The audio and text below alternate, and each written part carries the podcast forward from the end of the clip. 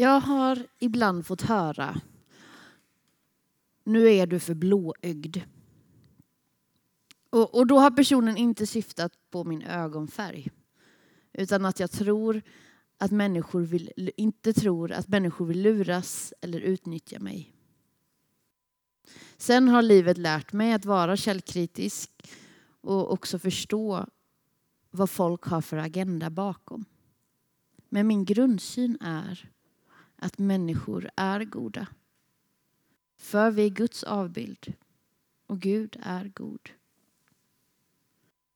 Mannen som jobbade hos kungen hade en tydlig agenda.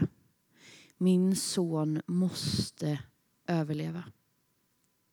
Och nu får han höra att Jesus är tillbaka i området. Om jag förstår det rätt så trodde inte mannen på Jesus innan. Men han är desperat. Så han tar på sig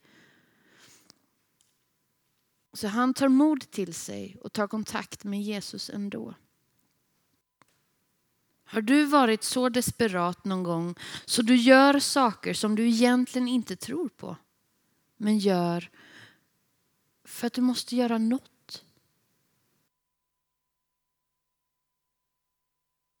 När den här mannen möter Jesus vill han att Jesus ska följa med och bota hans son. Men Jesus följer inte med. Istället säger han, gå hem, din son lever. Hade det varit jag så hade jag ju liksom, jag hade slitit och dragit och verkligen försökt övertyga Jesus om att han måste följa med mig hem. Men det gör inte mannen. Han går hem. För det måste varit något med Jesus som den här mannen ser och upplever som gör att han vågar gå hem. Jesus har gett honom ett hopp om att det inte är kört. Hans son kanske kommer överleva. När han sedan möter sin tjänare som berättar att febern lämnat sonen så förvandlas detta hopp till tro. Tro på att Jesus är den han säger sig vara. Vägen, sanningen och livet. Jag vill tro på att Jesus är vägen, sanningen och livet. Jag vill hoppas och tro så mycket att jag också vågar gå hem när Jesus säger det. För att Jesus säger det.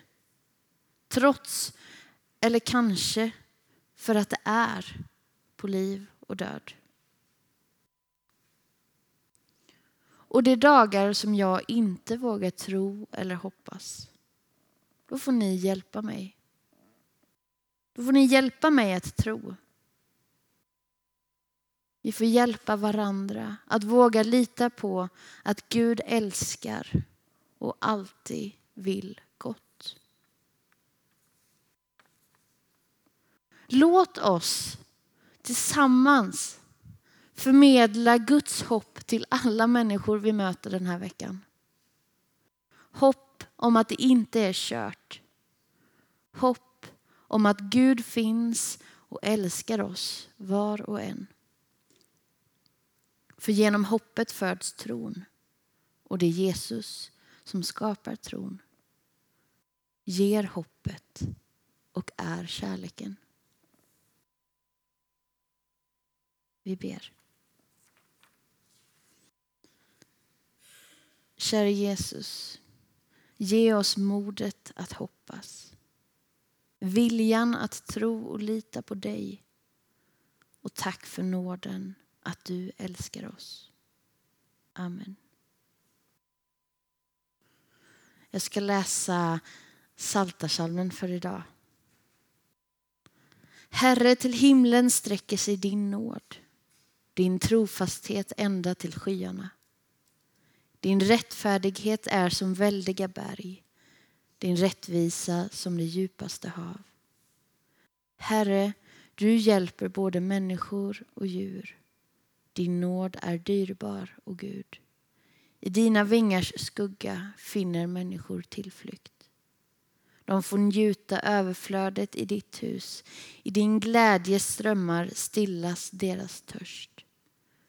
Ty hos dig är livets källa. I ditt ljus ser vi ljus. Amen.